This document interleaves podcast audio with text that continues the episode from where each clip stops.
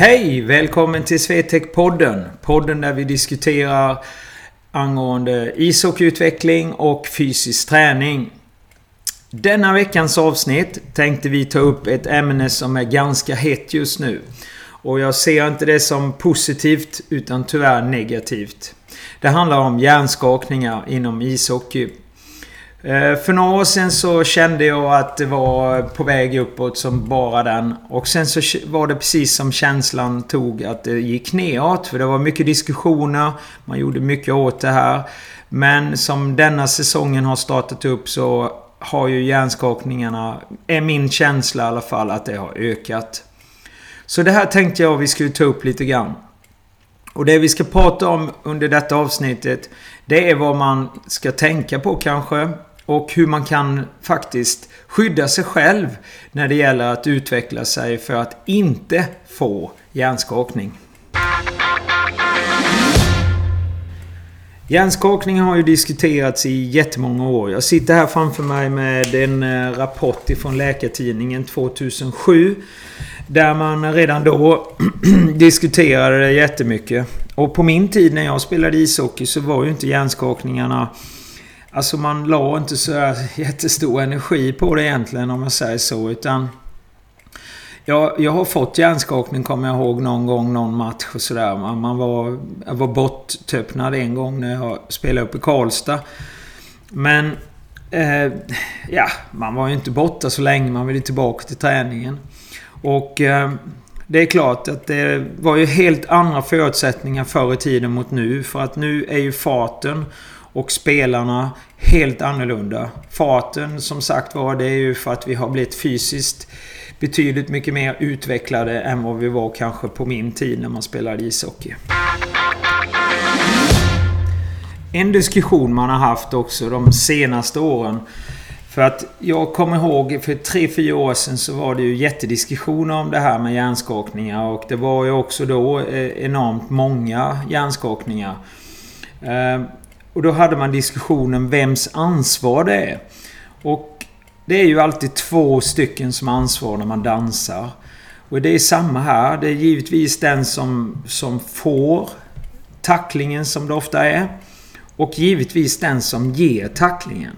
Det är ju många då som hävdar att eh, ja, det går så fort och man hinner inte reagera. Men det, det där stämmer inte till eh, 99-98% utan man, det finns alltid en chans att styra bort det här. Jag för några år sedan satt och tittade på videos ihop med en eh, elitseriedomare.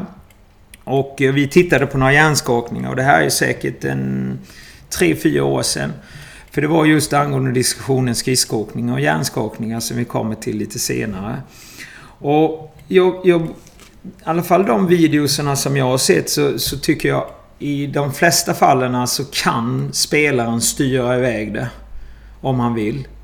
Och det handlar faktiskt om att man, eh, att man ska ha den respekten gentemot medspelaren. Och det är det här som jag kanske tycker är det största problemet 2018. För att när jag fick första gången alltså en riktig kontakt med det här med hjärnskakningarna. Jag jobbade som utvecklare då i Schweiz bland annat.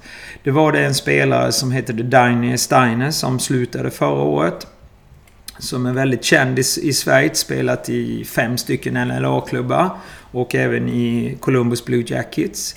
Och när jag träffade han första gången 2005 jag tror det var 2006 som vi hade då i massa träningar, bland annat i Beresville. För att då hade han haft lite jobbigt säsongen innan med två hjärnskakningar.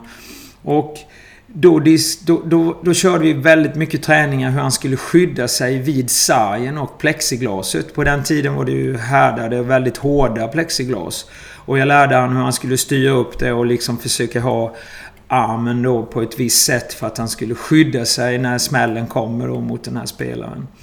Så redan på den tiden så var det ju jättestora diskussioner.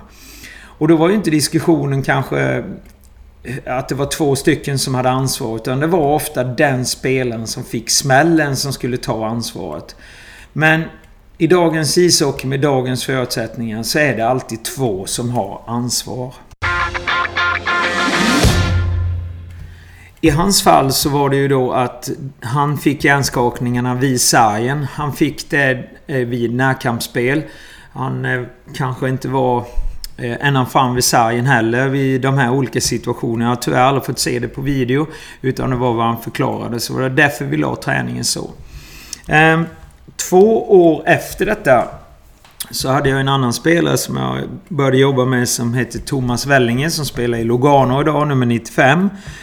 Ehm, och på den tiden spelade han i bil och i NLA och landslaget. Och han fick tre hjärnskakningar på samma säsong. Och där har jag sett klipp då på två av dem. Och det skedde bakom, eh, bakom målburen då, för han var back. Och så var det då eh, en utländsk spelare som knuffade till han i båda... Det var inte samma spelare båda gångerna. Men... Eh, och då eh, puttade till han i rumpan helt enkelt när han var lite i obalans. Och då fick vi lägga upp träningen och lära Thomas liksom att man kanske inte gjorde översteg då bakom målet när man hade, kände att man hade någon som, som låg en väldigt nära där. Och då fick vi strukturera om så hans teknik lite grann så att han läste av helt enkelt. Är de närma då gör jag inga översteg utan då gjorde han en annan skridskoteknik istället så att han skulle minimera risken att hamna i sargen. Eh, när han hade medspelare bakom sig. Och det här har ju fungerat. Han har inte haft någon hjärnskakning efter den säsongen och eh, det är ju jättepositivt.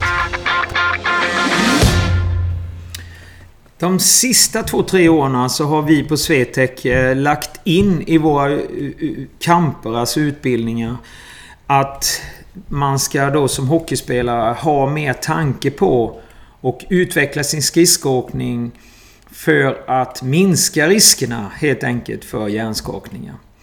Det finns ingen evidens på det här som vi har jobbat med utan det är mer en tro och en känsla av att om man tänker sig hur kroppen fungerar, hur ishockeyn är idag, så tror vi att man kan minska riskerna helt enkelt för att få vissa hjärnskakningar. Och det, det lägger vi en hel del eh, ska vi säga, tid och försöka få spelarna att förstå när vi har skridskoinlärning och skridskokamper. Och vad är det då vi gör på Swetec när vi utbildar och utvecklar våra hockeyspelare i skridskoåkningen? Jo, vi försöker skapa en förståelse. Att spelaren får en förståelse helt enkelt. Vad som gör det effektivare att åka skridskor och framförallt att skydda sig via skridskoåkningen. Eh, när man tittar på vanlig skridskoinlärning så tror jag inte att man lägger så mycket tid på att Eh, förmedla hur överkroppen ska ligga egentligen. Utan man pratar väldigt mycket mer om eh, knäböjet och vristböjet och de bitarna. Och det måste vi också ha givetvis. Men för oss är den överdelen på kroppen betydligt viktigare i många lägen. Och det bygger vi på att vi, vi har ett ställe på överkroppen som vi kallar för centrum och det är ju bröstbenet. Det är där vi menar att balansen utgår ifrån. För om vi tänker bröstbenet om det är rakt mot målet hela tiden så skapar vi en helt annan förutsättning än att vi lutar det då framåt. Ofta ligger då bröstbenet kanske i tåspetsen. Vi vill ju att det ska ligga maximalt i knävinkel om man säger så. Och det gör ju att jag får en helt annan förutsättning. Jag får ett tryck rakt ner på nummer tre. för vi delar upp skenan i fyra nummer. Etta längst fram, tvåa under tåfoten, trean i mitten och det bygger vi i mitten då ifrån foten, inte från skenans mitt och sen så har vi fyran då längst bak. Det gör att man skapar ett tryck i isen, en, en helt annan gravitation gentemot isen som gör att jag blir stabilare helt enkelt. Och det här gör ju att när jag får mina smällar kombinerat med den fysiska statusen så kan jag hålla mig betydligt bättre när jag får mina smällar. Och den andra delen är ju också att om jag har överkroppen högre upp så ser jag betydligt bättre. Jag får inte så mycket dödvinklar helt enkelt. Som gör att risken då för de här blindside-tacklingarna, de minimeras. Och det har vi sett utan att, som jag sagt innan, det här, vi har ingen forskning på det här utan vi har sett videos, vi har följt vissa spelare som har jobbat med under flera år. Och man kan se att de här spelarna har förändrat sig. Och bland annat då Thomas Wellinge i Lugano. Som har inte haft någon hjärnskakning sedan den säsongen vi började jobba just med att få upp överkroppen. För han var väldigt låg i överkroppen när vi började jobba för många år sedan.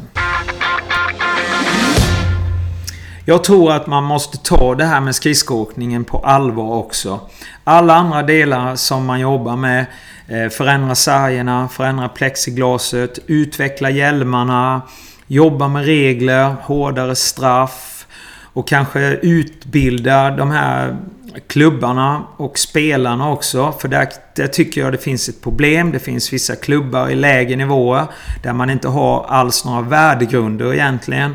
Ibland undrar man vad det är man sätter ut på isen. Det är ju eh, det är ju mer att de satsar på att försöka skada någon än att försöka spela spelet hockey. Ehm, och verkligen också utveckla hockeyspelarna.